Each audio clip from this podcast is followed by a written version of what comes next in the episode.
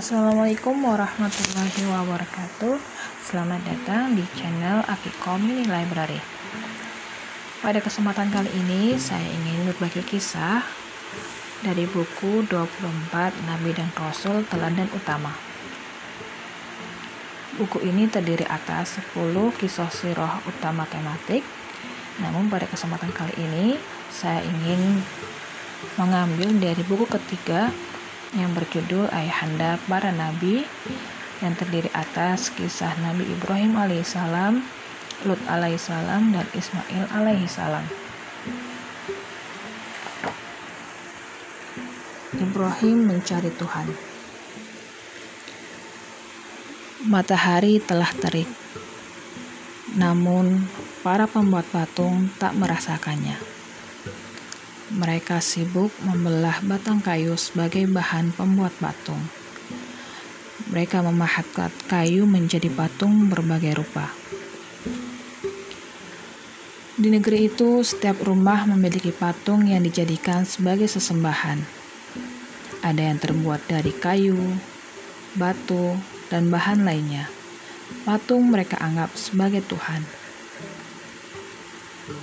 Sebenarnya rakyat makmur dan sejahtera. Tetapi keyakinan mereka masih mengikuti nenek moyang. Mereka menyembah berhala. Patung-patung dijadikan sebagai Tuhan yang mereka puja. Kerajaan itu dipimpin oleh seorang raja yang haus kehormatan. Raja memerintah dengan undang-undang yang tidak bisa dilanggar. Dia hidup dalam kemewahan, tetapi dia belum puas dengan kekuasaan dan kekayaan yang dimilikinya. Suatu ketika, raja bermimpi kedudukan dan tahtanya akan terancam. Karena ketakutan, raja memerintahkan untuk menghilangkan nyawa semua bayi laki-laki yang lahir. Kaum laki-laki dan perempuan dipisahkan selama setahun.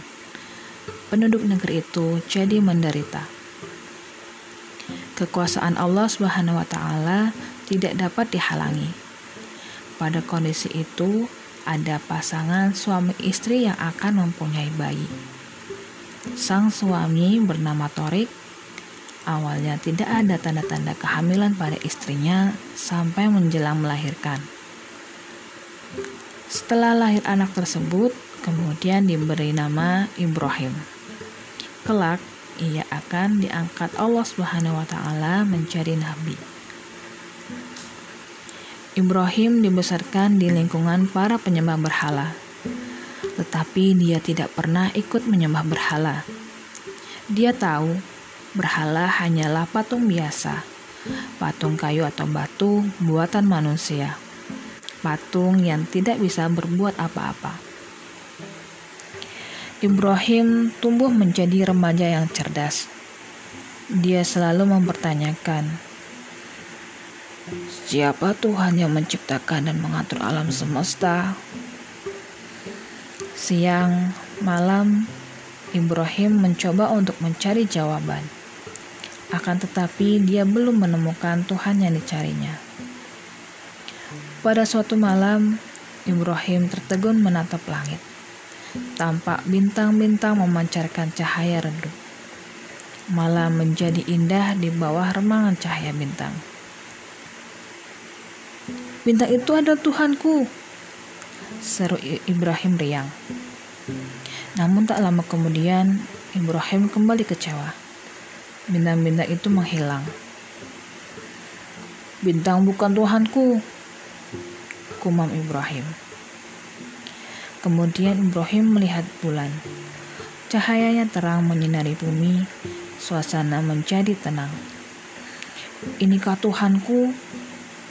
Kumam Ibrahim penasaran. Malam berlalu, bulan pun menghilang. Ibrahim sadar bulan bukanlah Tuhan. Pada bagian cerah, wajah Ibrahim terlihat gembira dia menikmati keindahan matahari terbit. Apakah itu Tuhanku? Tanya hati Ibrahim. Ukurannya lebih besar, kumamnya. Ketika malam menjelang, matahari pun terbenam.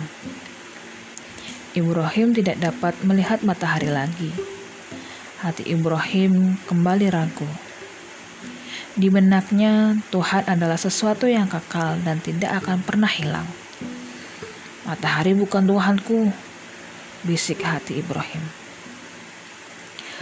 Setelah lelah mencari, apakah Ibrahim tetap yakin adanya Tuhan pencipta alam semesta?